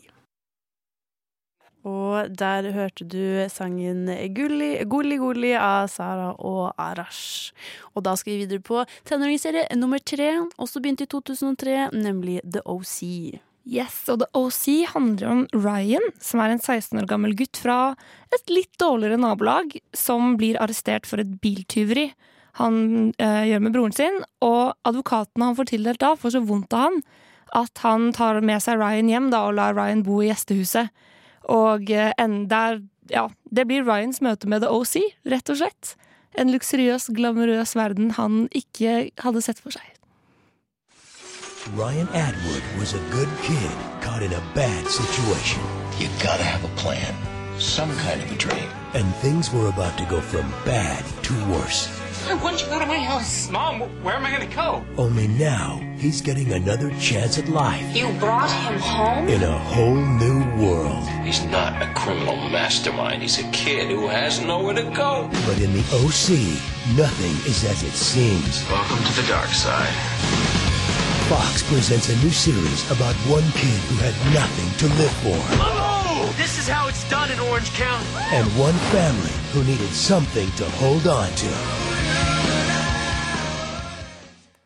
Åh, igjen, bare hør musikken, liksom. Åh, det er så deilig. Og den stemmen. Altså, jeg vet ikke om det er åpenbart at begge kom ut i 2003, både One Tree Hill og OC, men det er samme fyr sikkert som Ja. voiceover for akkurat det samme. Men The OC eh, Jeg hadde ikke noe forhold til The OC når jeg vokste opp. Eh, Nettopp fordi One Tree Hill var, var min go to. Eh, Så dette også var mitt første møte med, med den serien, selv om jeg hørte den hele tiden. Det tok meg faktisk eh, litt for lang tid å forstå at The OC står for Orange County. Ja. Det tok Yes. ikke før de sa det i episoden. Jeg sånn, jeg forstår. Nei, jeg har jo misforstått helt. For jeg har jo tenkt at det her er, at The OC er litt sånn dokumentarserie. Hæ? Og mens vi snakka om det i stad, jeg tenkte at det her hadde noe med Paris Hilton å gjøre. Av en eller annen grunn. Jeg aner ikke hvorfor. Så det er grunnen til at jeg ikke har sett den. Men trodde du det var litt sånn The Hills-aktig? Ja, jeg tror det. Og jeg tror reality, det det. Ja, liksom. The For det trodde jeg OC. Ja, ikke sant? Ok, det var ikke jeg den eneste, nei. Mm. nei. Så det er grunnen til at jeg ikke har sett den. Så jeg så første episode til den sendingen her. Og, men i motsetning til One Tree Hill, jeg må se episode to. Jeg må liksom Men eh, problemet er at det ligger jo fader ikke ute noe sted. Ja, for det lå på Netflix. Mer, ja, men fordi at jeg ble litt mer hekta av den her. Det må jeg si, faktisk. De har kanskje en litt, litt sånn, en litt raskere pilot, som går litt kjappere til poenget.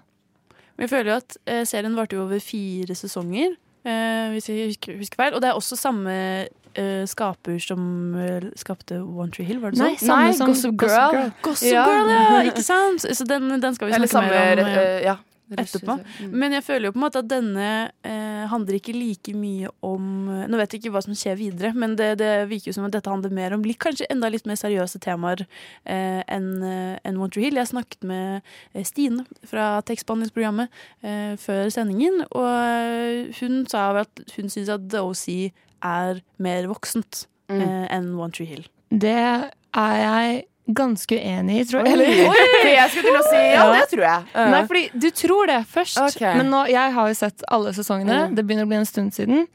Men det blir jo veldig tullete og rart, det òg. Og mer og mer cheesy og plotthull Ja, og såpeopera. Eh, Ah, første, sesong, første sesong er ganske sånn Der klarer de å holde seg til poenget, men så må Mm. de finne på nye ting, og da tar det helt av. Herregud.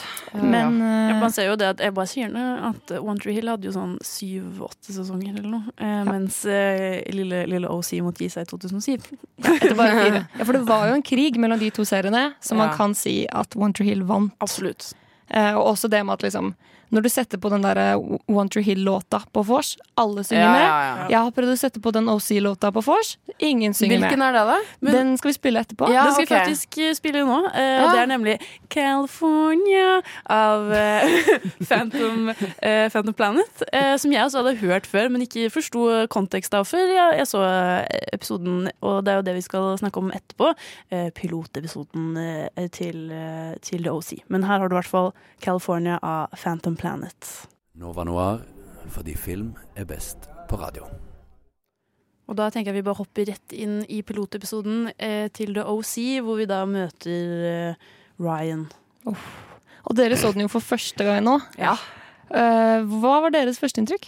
Jeg ble, det følte var veldig bardust. Eh, det skjedde så fort. Eh, Ba- fordi ba- Bardust? At det kom veldig brått på. Ja, du sa jo det. Ja. eh, skal jeg ha flere synonymer? Er er det mer du Det kom fort. Det gikk eh, Det var intenst. Sorry. Ja. ja, men ja, jeg er enig i det. Men ja, For det går jo rett til at han hopper inn i den stjålne bilen, og at de kjører, kjører av gårde. Men det syns jeg var litt interessant sånn, hvis du sitter paralleller til One Tree Hill. Det begynner jo også for så vidt med at Nathan stjeler en skolebuss, um, Oi, sant det. og så blir tatt til politiet. Er det en tråd her? I hvert fall. Uh, jeg syns bare at uh, det begynte jo mye mer uh, brutalt, kanskje, enn en ja, sånn for jeg typisk syns det var veldig spennende at de liksom Begge satt i bil, og så gikk det sånn kryssklipping, og så var jeg sånn Å nei, de kommer til å krasje! Og så var det ikke det likevel. Så det liksom catcha interessen min, da. Måten det var på en måte blitt gjort. Teknisk og sånn. Visuelt. Og, men her bruker de jo ganske lang tid på bare Ryan. Ganske lenge, i motsetning til de andre seriene hvor du ser ekstremt mange karakterer i løpet av de første minuttene. Men eh, her møter du først han, og så han eh, advokaten. Um, og så tar det en stund før han liksom kommer til familien og møter de andre karakterene. Men de andre tenåringene blir liksom ikke sentrale før hvert fall halvveis inn i episoden. Det er egentlig en litt sånn mer behagelig start enn One Tree Hill, som bare bombarderer alle karakterene på deg på en gang. Ja, Her får du liksom komme sakte inn sammen med Ryan, da, som Mm. er kanskje en bedre måte å gjøre det på. Og jeg tenkte også på at det er ikke like mye sånn name, intens name-dropping. Uh, og her Dette er denne personen, og det er det han heter. Det er mer sånn, litt sånn smakfulle måter å gjøre det på. At jeg syns for eksempel uh, De nevner jo Det er jo veldig mye drama da på i DOC med, mellom familien og sånn. Og da nevner de for eksempel bare sånn han kiden skal fornærme sta- stefaren sin eller, noe sånt, eller faren sin, og er bare sånn ja, men- du, mamma giftet seg jo nesten med naboen vår. Og jeg ble bare sånn wow! Hva er det skjer her nå, egentlig? Og det, er sånn, det var ikke noe sånn at bare sånn, sånn som i One Tree Hill, hvor det er sånn oh, damn, other son. At det er sånn, sånn veldig sånn overtydelig Det er hans forhold, på en måte. Det var en veldig sånn eh, organisk måte å gjøre det på, syns jeg. Ja. Og så er jo karakterene veldig sjarmerende, da. Jeg ble i hvert fall veldig sjarmert av spesielt han eh, Seth, han andre sønnen. Eh, han er jo helt nydelig. Jo så For jeg trodde jo ikke at han var så Hva heter det? Tilbakestående neste Altså sosialt tilbakestående, da. Jeg tenkte han var kul, jeg. Så det overraska meg litt. Og jeg synes at eh, han minner meg veldig mye om, eh, for dere som har sett på Teen Wolf, Styles. Og han er en tidlig Styles. He paved the way. He walked so Styles could run. Absolutt. Skikkelig lik. Helt sånn like måte å prate på. Helt like måte bare sånn vimsete. Er vel forelsket i en veldig kul jente. Får det ikke helt til. Jeg synes det var veldig inspirerende, egentlig. Den parallellen har jeg ikke sett. Men Nei, jeg ja. bare, var veldig, jeg føler at Dylan O'Brien har tatt mye inspirasjon fra den Ryan-karakteren. da, egentlig. ja. Uh, Seth-karakteren. Ja. Ja. Ja. Men, ja, men han er jo en helt sånn fantastisk karakter, og veldig revolusjonerende for kanskje de type dramaseriene. De pleier jo ikke å ha med noen som er liksom så quirky og nerdete. Og, liksom, og han etter hvert gjennom serien også så name-dropper han jo veldig mange band som ikke var så store da, men som blir veldig store senere på 2000-tallet, og flere av de spiller i serien også. Så det blir også litt sånn som Winter Hill, en arena for ny musikk, da. Som er veldig gjennomgående i de seriene. Og jeg føler på en måte kanskje at eh, det har vært nerds, men ingen som sånn deg og Freaks and Geeks var det jo de åpenbare kjempenerdene som eh, var litt sånn rare og kleine. Og det er også sånn Mouth og de andre nerdene i One Tree Hill. Men jeg føler at OC kanskje var den første, eller ikke nødvendigvis den første, men av de vi har snakket om i dag, som har en Kjekk nerd. ah, du, Kjekk kan, du kan være pen og nerd. Wow. Og revolusjonerte denne, denne da, egentlig. Og som lar den være en hovedperson. Ja. Ikke bare en sånn morsom sidekarakter. Eller han blir i hvert fall Han blir jo nesten hovedstjerna i Dozy etter hvert. Eh, Mm. Han er ikke liksom bare den morsomme sidekicken til Ryan, da. Og det er også litt unikt, føler jeg. Det jeg også likte godt med første episode, var at jeg følte ikke Ofte så føler man jo at serier at eh, ting Drama begynner jo den episoden. At sånn nå, nå skal de finne ut av dette, og det er det som er premisset for resten av serien. Men jeg følte at uh, Ryan ble brukt veldig godt på sånn Her er det allerede masse ting som skjer, men han bare blir kastet uh, inn i det. Eh, Og det er ikke sånn at det begynte bare fordi han kom dit. Det var åpenbart ting der fra før eh, som blir dealt med, men han observerer. Og det synes jeg var en veldig, veldig kul måte å fortelle om det på. Ja, han blir på en måte katalysatoren. ja. Som bare En fucker opp hovedperson som er en katalysator, syns jeg Ja. er veldig, veldig spennende. I tillegg til at han blir seerens på en måte, blikk inn. da. Han aner ingenting om denne kulturen, og det gjør ikke vi heller. Det er en veldig smart måte å ta seeren inn i historien på. Absolutt. Uh, og, og som, eh, som nevnt uh, eh, tidligere, så var det det at The OC er jo fra samme skaper som Gossip Girl. En litt Ja, begynte egentlig der hvor The OC sluttet. The OC var ferdig i 2007, og da kom også eh, Gossip Girl. Og jeg tenker at vi skal eh, hoppe videre dit. Eh, det er den siste serien vi skal snakke om i dag. Eh, men du skal også få høre en sang, og det er nemlig 'Tilfeldig' av eh, Kaspara. Det var da sangen 'Tilfeldig' av Kaspara. Og da skal vi videre på den eh, siste og nyeste eh, tenåringsserien i dag, eh, nemlig Gossip Girl. Ja, for uh, etter The OC, som slutta i 2007, så kom altså Gossip Girl uh, i 2007 med seks sesonger, og slutta i 2012, som også er en amerikansk TV-serie. Uh, handlingen foregår i New York og handler basically om en gjeng privilegerte tenåringer på Upper East Side som ikke kan holde en eneste hemmelighet skjult fordi Gossip Girl prater om de. I needed to get away from everything. Please just trust me. How can I trust you when I feel like I don't even know you? The ex-best friend. So, when's the party? Saturday. And you're kind of not invited. The boy who wants her. Pick me up at 8? You really go out with some guy you don't know? Well, you can't be worse than the guys I do know. And the boy who can't have her. Serena. No, look, Blair's my best friend, and you're her boyfriend, and she loves you. I guess popularity has its price. Not only entitled to choose, just to be happy. What we're entitled to is a trust fund. Happiness does not seem to be on the menu. And who am I? That's one secret I'll never tell. XOXO, Gossip Girl. Sikkert Ja, det var en dårlig forklaring av hvem Gossip Girl er. Men Gossip Girl er jo altså da en eh, det er, det er en ukjent person. Ingen vet hvem Gossip Girl er, men det er i hvert fall masse hemmeligheter og rykter som blir spredd på en nettside. Så egentlig så går jo all denne handlingen rundt om hvem denne personen er, og hvorfor hun da skriver, skriver alle disse tinga da, om hovedpersonene. Det er jo en slags eh, gammel jodel. Kan Ja, jeg- faktisk. Vil Ja. jeg si at det er bare sånn Jeg hørte at hun Ja, ja, det, det, det. Så kan man sende inn liksom eh, ting man vet, og så er det jo bare én som publiserer det. Ja. Det tenkte jeg også når jeg, når jeg så Gossip Girl når det kom, eh, og så så det opp igjen eh, for noen år tilbake. At Mm. eh, Gossip, Girl, Gossip Girl er utrolig smarte på å treffe tenåringen akkurat der, i Mhm. 2007, med disse tekstingen Ja, ja, ja. og internettet. Og jeg føler liksom at de traff utrolig godt da, på den eh, opp, så, eh, opplåsningen av eh, internettkultur. Mm. Sakte, men sikkert. Dette med blogger og, og etc. cetera, et. Og lett før det var på en måte så uh, mange regler rundt hva man kunne poste på nettet. Ja, det var en tid det var liksom fritt vilt, alle kunne gjøre hva de ville. Eh, jeg har jo tenkt mye på at liksom, er det helt realistisk? Fordi politiet hadde jo skjøttet ned en sånn blogg med en gang. Eh, husker du det var noen på ungdomsskolen min som prøvde å lage en sånn blogg, og etter ett innlegg så var politiet ja, på skolen og var sånn. Dette er ikke greit personvern. så hadde de klart å ha det gående i så mange år? Ja, nei, det er veldig rart. Det som er gøy, er jo at det er jo Kristen Bell som har eh, stemmen til Gossip Girl. Så man t tenker jo liksom at ah, det er jo en chick som Veronica eh, Mars? Som er Eller Veronica Mars, som egentlig er en del av Ja, Gossip sånn, Girl. ja, hadde Så man sitter jo liksom eh, under alle sesongene og liksom Hvem er Gossip Girl? Og så får du kanskje noen ledetråder, og så Nei, det er ikke den personen likevel. Og det jeg liker best, er jo karakterene det her eh, handler om. Da. Vi har jo, og det er veldig også stereotypier, sånn som i, vi snakka om i Freaks and Geek. Eh, Vi har Blair, Queen Bee, Serena, som kommer tilbake fra uh, boarding school etter å plutselig bare disappeared. Kommer tilbake. Hun er liksom den pene, høye, flotte blondinen som får alle gutta og Ja, kommer egentlig hjem for å eh,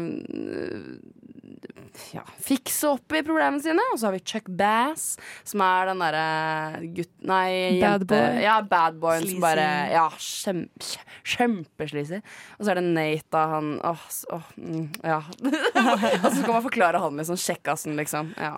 Og Dan, da. Underdoggen, kan man si. Nate spiller jo i den uh, nye sånn superheltserien The Boys, hvor han spiller Ja. en sånn eh, fyr som er sykt usikker og bare har drevet med masse seksuell trakassering. Og jeg syns det er veldig morsomt. Oi. Ja. Fortsatt veldig kjekt, da, men eh, litt morsom sånn ja, rolle der. Det er i hvert fall de som er liksom hovedkarakterene, og så dukker det jo opp eh, ja, noen innimellom. Vi har jo Georgina Sparks eh, og eh, faren til Dan, Rufus Humphrey, er jo også en eh, stor del. Lily eh, Bass heter hun jo egentlig mest. Lily Humphrey, altså moren til Serena. Det er veldig sånn, ja, gjennomgående i disse seriene Ja, at veldig. foreldrene har en veldig sentral rolle, og deres fortid. Ja, fordi det er en sesong de har De nesten er hovedpersonene, føler jeg. Mm. Og jeg føler at som eh, nevnt så er det jo mange sesonger, og det er som med One Trail så er det jo veldig mye forskjellig som skjer, veldig mye forvirrende. Og jeg tror på et Jeg husker når jeg så det, var sånn På et tidspunkt var det bare eh, Dan og Blair som ikke hadde ligget sammen. Og så Ja, ja, lå de sammen! Og jeg var så Nei, nei, vet du hva? Jeg òg. Vet du hva? Det er det dummeste som noen gang har skjedd mellom, i den serien der. Nei, men vet du hva? Det blir for mye. Det er sånn, Første sesong syns jeg er best. Det er helt OK. Altså, det, det er egentlig helt nydelig. I love, I love the TV-serie, liksom. Men så kommer du til sesong tre, og da er de ikke lenger på eh, Canstons da, på videregående der, og så begynner de på high school. Og Nei, high school, college. Og da er det ikke noe gøy. For det er liksom sånn Det, det, det blir for mye. Jeg spoiler nå, for jeg, nå er den så gammel. Så jeg, nå skal jeg Altså, det er det, Og hør nå. Blair er sammen med Nate. Eh, men Serena har ligget med Nate. Og så blir Blair Blair Bear eh, sammen med Chuck. Men så, så ligger Chuck med både lillesøstera til Dan og Vanessa og nesten Serena. Og så er det foreldra til Dan og Serena, når de blir sammen, er også sammen. Så egentlig så er de stesøsken som er sammen og ligger sammen. Og så er det Og så er øh, øh, Så kommer søskenbarnet til Serena. Eh, som ikke er søskenbarnet likevel, men, men så kommer det ekte søskenbarnet. Og så er, og så er det også søskenbarnet, men Så, ja, også halvsøsteren. Fordi at faren til Serena har pult eh, søstera til mora til Serena. Og det bare det er for mye, for faen! Det går ikke. Men det er jo bare, det bærer bare veldig preg av at sånn OK, hva er det vi gjør nå? Vi skal ha en sesong til? Ja, da må de som ikke har hatt noen greier, da må de ha noen greier. Ja, men Hvorfor må det være så jævlig mye incest, liksom? Jeg bare, Nei, det blir for meget, altså. Det, det ødelegger hele serien for meg, da. Men jeg tenker at uh, vi har jo alle et forhold til serien, men første episode det er da man får møtt alle disse forskjellige karakterene som på et eller annet tidspunkt skal ligge med hverandre. Uh, men jeg, jeg tenker at uh, vi skal høre Det er greia at jeg, Den introlåta til eh, Gossip Girl, den, Ja. eh, det er jo bare en melodi. Det er ikke noe sang. Eh, så derfor tenkte jeg at jeg skulle spille den første låta som blir spilt eh, Oi, på Gossip okay. Girl, og den første sangen som Gossip Girl prater over. Og det er nemlig Young Folks av eh, P Peter Bjørn and Peter Bjørn and John. Nova Noir på Radio Nova.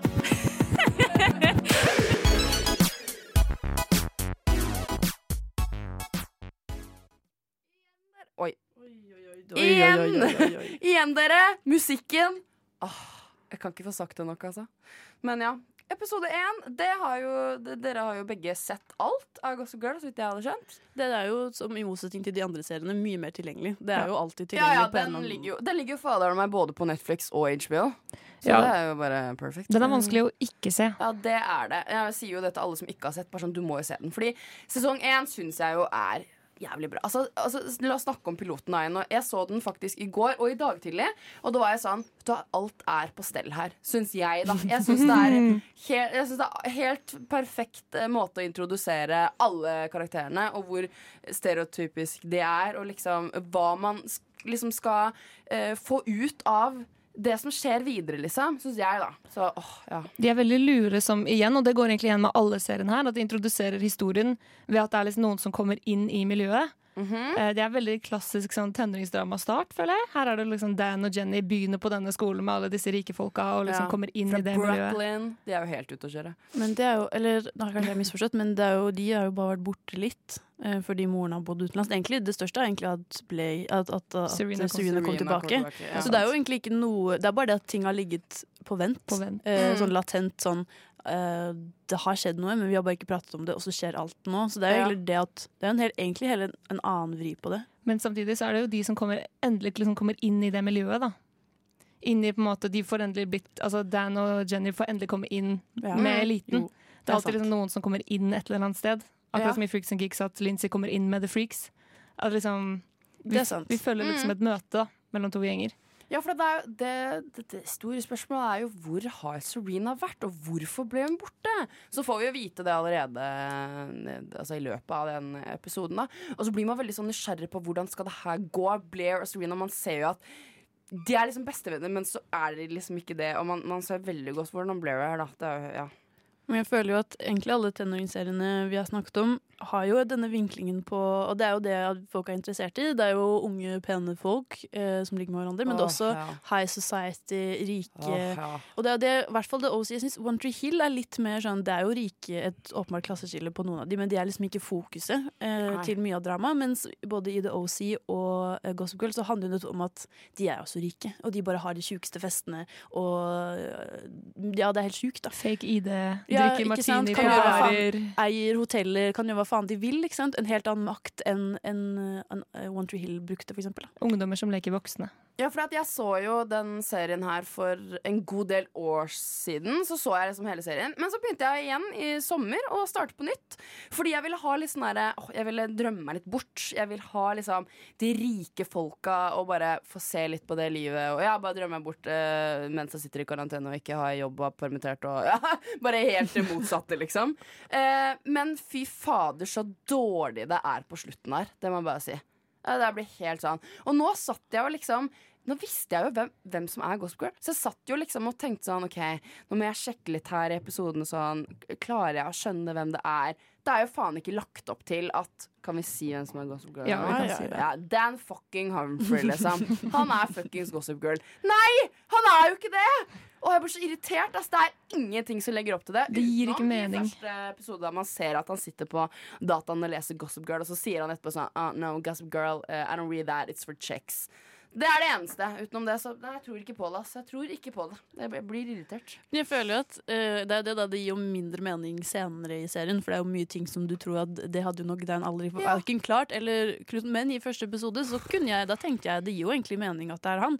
For de legger jo egentlig ganske opp til det i første episode, selv om jeg ikke tror det var det som var poenget. Men når, hun har, når Gossip Girl da er ferdig med sin intro av verden, uh, den verdenen de er i, så klipper de jo til et Ja, to ja. sekunder av at uh, han sitter og, og skriver på tastaturet sitt. Ja. Uh, og det kan jo fort leses til at han eh, Men det tror jeg egentlig det bare Ja, kanskje det er jo en setup. Men, men resten av Ja. sesongen er det jo ikke han. Nei, nei, nei. Det er jo ikke noe setup Men de har sikkert bare sett episode én om igjen og vært sånn Ja, men her kunne det vært han! ja, sikkert Så- sånn, ok, vi finner ut av det. Så bare sånn, ja, vi, ja, vi tar den, da. Ja, vi- For vi det, gjør det. det gir ikke noe mening. Ingen ser den komme, for det sånn- gir ikke mening. Men hvem, hvem trodde dere det var? Hvis dere Hadde dere noen tanke om hvem det var, utenom Dan? da? Jeg, for å være helt ærlig, Gossip Girl ble bare sånn mytisk person for meg. Ja. Til slutt så hadde det vært så mange ting og rundt Ja. omkring. Og til slutt så følte jeg sånn Gossip Girl er ingen. Gossip Girl er alle tipsene. Var det ikke det de liksom konkluderte til slutt? da? Liksom, ingen er Ja, Gossip Girl. alle- eller alle er alle er Gossip Gossip Girl, Girl. ja, Men så i slutten så er de sånn Nei, det er Dan. Ja. Ja, det var det. Jeg følte også at det ble en veldig sånn, ja, som nevnt jodelaktig ting. At det var bare sånn en, en moderator, da. Eh, administrator eh, som satt og bare satt sammen ting og sendte det inn. Og det var jo det Gossip Girl var. Hun, hun bare Jeg fikk høre det fra denne personen, typ. Men jeg trodde veldig lenge at det var Chuck Bass, for det var veldig typisk hans oh, ja, karakter. ja, men jeg også tenkte kanskje han. Men kan vi snakke litt om Chuck bare sånn fort? Fordi Hvorfor er han en så elsket karakter? Han er jo så problematisk. Men han blir jo veldig bra, for det er jo denne Men det er det da, jeg kan kjenne igjen veldig sånn klisjeen av at Blair skal fikse denne knuste mannen, Mm. og de fungerer så godt sammen, men de er også veldig problematiske og har sine turbulente Ja, ja. tider. Så det er egentlig bare det at uh, de er et veldig pent par um, med, som liksom, hun fikser han, på en måte. Men allerede i piloten så overgriper han jo Ja, han er fucka. Ja, men det er det som at han, han har veldig stor utvikling. For jeg var sånn, oi shit, han var faktisk jævlig nasty og ekkel, liksom. Men så er han egentlig ikke det. Sånn på slutten så er det sånn, ja, han får jo kid med Blair og alt sånt der. Men kan jeg bare si, fordi er det et par som jeg på en måte har eh, hatt lyst til at skal være et par, er jo Nate og Serena. Jeg føler de to er perfekt sammen. Altså Dan og Serena. Og, Nei, nei, nei, nei, og. Blair og Dan! Akkurat det der Jeg er helt er bare helt idiot. Altså, det er det dumme som har skjedd. Åh, Jeg føler at man kunne pratet om Gossip Ja. Girl i, i mange timer, egentlig. For det er her så mye Det er jo som sagt det er masse intriger og masse greier. Men det, som sagt, den endte jo i 2012. Ja. Og hva, Ja. Men hva har skjedd uh, siden, egentlig? Og det er det vi skal prate litt mer om. De moderne tenåringsseriene. Hvordan de uh, altså er like de gamle, eller kontra forskjellige, da. Men nå skal du høre en liten låt til, og det er 'Det vi aldri snakket om' av Von August. Brandy, don't let me finish. It can now be heard. Okay. And I'm not fucking finished in the back of the voice and the voice now. Will, I've still not finished. Nova Noir. Vi er ikke ferdige ennå. I can't go fast because Michael Caine talks very, very slowly. Nei, vi er ikke ferdig enda, fordi tenåringsserier er jo ikke ferdig. Blir de noen gang ferdig? Jeg vet ikke. Altså er, Hva er det de, Ok, Hvis vi skal snakke om eh, tenåringsserier i dag Vi nevnte Euphoria tidligere på sendingen. Vant Emmy. Eh, det er jo sikkert tegn på at tenåringsserier er noe som fremdeles er kredibelt. Jeg, jeg føler at uh, med Euphoria så uh, blir Altså det er den serien som har gjort at nå går det opp igjen, tenker jeg.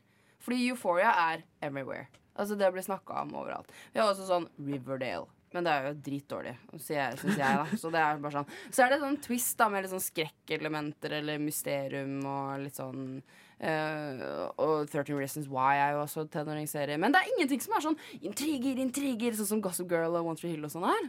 Jeg har en teori på liksom hva som har skjedd med tenåringsserien. Ja. Um, for liksom, tidligere så var jo på en måte serie var et format som ble sett veldig ned på. ikke sant? Det, og det var jo bare såpeoperaer som var laget for å bare gå og gå og gå. Og gå. Og det skulle ikke egentlig liksom ende noe sted, som Dynasty. og sånn. De ville bare at det skulle gå så mange sesonger som overhodet Ja. mulig. Og så enkle plott man bare kunne feede på som overhodet Mm. mulig. Men siden liksom da så har jo TV-serier blitt et veldig respektert format som gjør veldig mye kult, og liksom har blitt sett på mer som en kunstform. da, Sånn som tenk på Euphoria, hvor mye visuelt, og liksom hvor mye de leker med stil. Um, og med det så har liksom den der tenåringsseriemalen dødd litt, føler jeg. At nå som TV har blitt et mer respektert medium, så vil man lage liksom bedre og mer intrikate ting, da. Og så føler jeg at vi krever mye mer av en handling enn det vi gjør før også. Men Som du sier, det skulle bare gå og gå, så da var liksom én episode ett Mm. tema, egentlig. Men sånn som Riverdale, eh, Elite, den spanske Netflix-serien Alt, og alt som du sier, Liv, et underliggende sånn Det må være drap eller et mysterium som må løses, eller som må finnes ut av. Eh, som igjen da gjør at eh, det er vanskeligere å, å fortsette det også. Ikke sant? For Riverdale har jo bare sunket i kvalitet, fordi de nettopp De kan ikke Ja. bare leve litt på at OK, vi har litt noen løse tråder her. Nei, de har ett mysterium. Og når de var ferdig med det, ok, hvordan skal vi fortsette med dette da i neste sesong? Så det er som du sier, Embla, det er jo, Vi har en helt annen måte å lage serier på i dag enn før. Også, ja, for jeg øh, har sett øh, The Bold Type. Og det er jo ikke tenåringsserie, men det er liksom litt sånn litt over der igjen, på en måte. Men det er også sånn sånn nærmeste jeg kommer som jeg liksom husker at ah, det er sånn lett underholdende som man kan bygge litt på, og så sa det stopp. Og så tror jeg også, eh, som vi nevnte tidligere, at eh, det er ofte denne portretteringen av rike, flotte eh, Ja. eh, miljøer. Og det er jo fortsatt det til en viss grad, men jeg tror at man er litt mer forsiktig ved å glorifisere eh, rikdom på samme måte også. Sånn, vi har blitt litt mer, eh, kanskje litt ja, kan man si woke, på en måte. Det er ikke, det er ikke like sånn, Vi idealiserer ikke den, det luksuslivet på samme måte lenger heller. Nei, og så er vi jo så lett krenka av alt, så er det vanskelig å finne ting å lage om òg, føler jeg. Så det, det vil jeg ikke si. Ja, det, altså, gud, nei, fy fader, jeg, jeg skal ikke begynne engang. Men ja, for nå kommer jo reboot av Gossip Girl. Eh, den kommer på TV i 2021. De filmer nå. Og da er det jo spennende hvordan blir 2020-taken på rikdom. Og de sier jo at det skal bli en veldig annen type serie. Med, de skal gå for liksom hardere tematikk og mer diversitet. Og liksom, eh, så det blir spennende å se hvordan de faktisk gjør det. da Om det kommer til å føles helt annerledes fordi det liksom er 2020-versjonen. Det har vi faktisk ikke nevnt i løpet av denne sendingen, men sånn majoriteten av alle hovedkarakterene, og så å si alle bikarakterene i alle seriene jeg har nevnt, hvite. Eh, Veldig lite Ja, Og heterofile. i denne Mm. serien. Ja, ikke sant? Som Embla sa, at det er bare sånn at de skal prøve å vise litt mer eh, alle, istedenfor bare rike, hvite, uh, høykulturelle mennesker.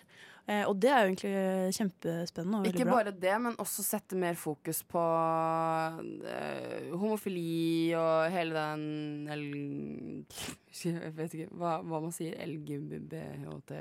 LGBTQ. Ja, det er så annerledes. Men ja, at uh, mer uh, Det gjør jo Euphoria, da. Det er jo egentlig Det er jo den første serien for deg som legger ekstra trykk på det, på en måte. Så det har jo blitt populært å, å lage serier om, om ja, sånne temaer, da. Ja, og Gossip Girl traff jo nettopp den tekstegenerasjonen, de som begynte Mm, ja. med, med internett og sånn. Og det jeg følte, selv om jeg ikke er kjempefan av Euphoria, så syns jeg at uh, den viste for eksempel De hadde en scene om fanfiction, uh, som jeg syns var kjempegøy, fordi det er en, en del av uh, internettet som jeg aldri har sett representert på serier før. Som var en stor del av sånn Jeg var mye på Tumblr, og da skrev man jo mye da, liksom, sånn, Man leste sånne fanfiction om band man syntes var kule og sånn. Og det at de brukte i en serie om tenåringer, syns jeg var Det traff meg veldig godt, da, egentlig. Jeg har veldig lyst til å se One True Hill bli reboota. Som at det handler om liksom barna til karakterene. Ikke sant? Ja. Sånn at alle de uh, karakterene er liksom foreldrene. Så følger vi alle barna som fortsatt går på high school i One Hill. Og så kan de være litt råere, litt mer diversitet og liksom gå litt mørkere. Men det er jo Gossip. Girl. Det er jo nettopp det at det er foreldrene deres er jo, har jo også hatt sine intriger før dem. Men det er jo One True Hill òg. Ja, Bare at det blir en tredje generasjon. Ja, for Jeg kunne egentlig sett for meg det i Gossip Girl. Men det som er greia med Gossip Girl Det skal jo også hete Gossip Girl. Så er det liksom Det er noe, ja, som du sier, det er helt nytt. Og det er vel eh, bare én person som eh, kommer tilbake, og det er jo fortellerstemmen. Crystal Bell. Så det ble jo Ja, fy fader. Nei, men det er ikke så mye man vet om den serien. Man vet om hvem som har blitt casta litt her og der og sånn. Men eh, jeg håper at det blir eh, litt sånn starten på sånn ordentlig gode gamle tenåringsserier igjen. Med ordentlig god soundtrack. Det trenger vi. Ja, det er Ah, must. Så vi kan se tilbake på om fem år og bare mm, yes. Vi har altså store, høye krav Ja. til kommende tenåringsserier. Altså sånn, hvorfor skal ikke tenåringsserier være på samme nivå som eh, alle andre Game of Thrones-aktige høyproduksjonsserier, tenker nå jeg. Så eh, da tenker jeg at eh, vi skal bare høre en liten låt til. Vi er ikke helt ferdige ennå, men eh, du kan i hvert fall høre Ola Kume, Ola Kume av Nicolas. Du Du Du hø hø hører På- på Radio Nova. Ja, da var vi kommet ved veis vende Veis ende. Veis vende, vet du. Veis vende. eh, veis ende eh, for dagens sending. Vi har jo snakket om eh, tenåringsserier. Det er noe som har stått eh, flere av oss veldig nært. Føler nesten at jeg har så mye igjen å si, egentlig. Jeg har lyst til å ha egen sending om Gossip Girl. Jeg må merke jeg. Sesong for sesong. Det kunne Bare gått, på det. Tror kanskje vi må planlegge litt Ja. uh, lenger i, i forveien, kanskje. Ja. Men uh, absolutt veldig med på det. Og hvert fall nå når det er jo gøy også å kunne se og sammenligne. Å ja, men da gjør vi det når den kommer ut av neste år, da. Ja, da har vi god tid. Da har vi god tid, folkens. 2021, da kommer Gossip Yes. Girl yes. in depth analyse. analyse. Men jeg trenger at Netflix eller noen av de andre store streamingtjenestene plukker opp disse seriene. kan vi få ja, til det? snill. Underskuddskampanje? Liksom. Det kan ikke være så vanskelig Eller nå vet jeg absolutt Jeg skal bare skal være helt ærlig Jeg vet ingenting om rettigheter, hvordan det fungerer. Eh, det eneste jeg vet, er at eh, det er et marked der. Folk vil jo se det. Jeg tror at Mhm. Netflix eller hvem enn som hadde bestemt seg for å plukke det opp eller dele det med verden, hadde tjent eh, masse, masse penger på det. Hvis man er veldig desperat nå etter å se One Tree Hill, sånn som jeg er, så kan man se det på viaplay.se. Via Free, er det ikke det? Viafree.se. Og lage en svensk gratisbruker. Men ekstremt mye reklame. Du får kanskje fem minutter svensk reklame Nei, per episode. Uh, oh ja. uh, sånn at det er liksom sånn hvert tiende minutt stopper den med svensk reklame. Ja, liksom så på YouTube, Ja. Nei, fy faen. Så- Er det verdt det? Ja, Ja, du, jeg skal eh, Den er grei. For One Tree Hill er det verdt det. Alt er verdt, Ok. alt er verdt det for One Tree Hill, egentlig. Men jeg føler også at det, de som seriene som er der ute, da. Som den Gossip Girl der ute, men også de eh, seriene som har vunnet masse priser i det siste. Altså Euphoria ligger på HBO. Se det for å få en litt moderne vri på de tenåringsserier vi har nevnt. Eh, Shits Creek, ikke tenåringsserie, da, men Ja. eh, eh, en serie som har vunnet masse, masse priser denne uka. Det er jo verdt å ta en titt på. Jeg tror det ligger på TV2. Eh, Sumo. Så bare å, å sjekke ut det, i hvert fall. Men eh, da har vi jo pratet om uh, Freaks Geeks. Eh, noe som ikke kanskje var eh, Ja, som sagt, ikke så kjempepopulært eh, når det først kom. Men jeg skulle gjerne hatt en renessanse eller en slags sånn gjenopplivning. Eh, eller kanskje det heller det, da. Jeg vil gjerne ha en reboot egentlig av Freaks and Geeks heller. Eh, Jeg sier nei. Gossip Girl. Du sier nei. Ja. det, er, det er fair, Liv. Er det Ja. Du, du vil ha noe annet enn eh, Ja, en Gossip Girl? Å oh, ja. Uh, nei, det blir Gossip Girl. Jeg, jeg vil ha Gossip Girl med Serena og Blair og alt sånt igjen. Men du skal vel rett hjem og prøve å finne en måte å se på The OC? ja, det blir jo det, da. Ja, Mm. faktisk. Alle disse seriene kunne hatt en reboot. Det er jo Ja, Men trenger nå vi det? Ja, det er akkurat det. Trenger vi det egentlig? Ja, nei. Tydeligvis, da, fordi tenåringsseriene i dag holder jo ikke stand. Det Nei, er jo det ikke som det en gang Folk var. må bare bli bedre på det. Og vi er en nostalgi, ja. nostalgigenerasjon. Det Så hvis det er noe som hadde blitt tatt godt imot, så Det hadde det vært jeg trenger mer av, er en reboot med bare alle de fantastiske gamle låtene. som er typisk på tenåringsserier. Så hvis noen der ute har en Spotify-liste som er veldig eh, passende til det, der det bare er masse sanger fra eh, serier, send det til meg. Vær så snill. Og det funker jo veldig bra på, på vors å sette Ja. det i gang. Nettopp fordi nostalgigenerasjonen syns det er så fett å, å bare slå seg helt løs. Sånn som jeg gjorde da vi hadde Pent and Zip. Ja, da... da- kom Halo med Haley James Carr på Ja, høyttaleren. det er sant. Ja. Iconic. Ja. Rett og slett. Men eh, som sagt, vi har tenåringsserier. Vi snakket om eh, Freezing Geeks, eh, One Tree Hill, eh, The OC og eh, Gossip Girl. Og så hadde vi også Jeg hadde en liten anmeldelse av Follow Me. Ga den en rolig tre av ti der. eh, skal jeg ikke sjekk den ut, for å si det sånn. eh, og ikke forvent noe dybde eller uh, hva faen man, man Å, fy faen. I hvert fall ikke se på den. Gå heller og se jeg vet ikke, jeg, Dianas Gossip bryllup Girl! eller, oh, ja. Dianas bryllup. Støtt norsk TV. Ja, støtt norsk film! Ja. TV. Det er også Alt er TV kommet nå. eh, Den nye norsk-ish har jo kommet en ny NRK-serie. Ah, go watch. Ja. Men jeg har i hvert fall vært eh, Ina Lisbeth Sletten, og med meg i studio har jeg hatt Ingrid Bakke. Og Embla Aaslein. Yay! Og det er vel mange nye Du har nettopp kommet tilbake til Ja, studio, Liv. ja, I'm back! Jeg, kom- du, hør på sending neste uke. I- I'll be there. Ja, jeg må Men det er promotere det. litt. Vi ses neste uke. Ja. Tusen takk for i dag, og så snakkes vi. Yes, Ha det bra! ha det. God torsdag.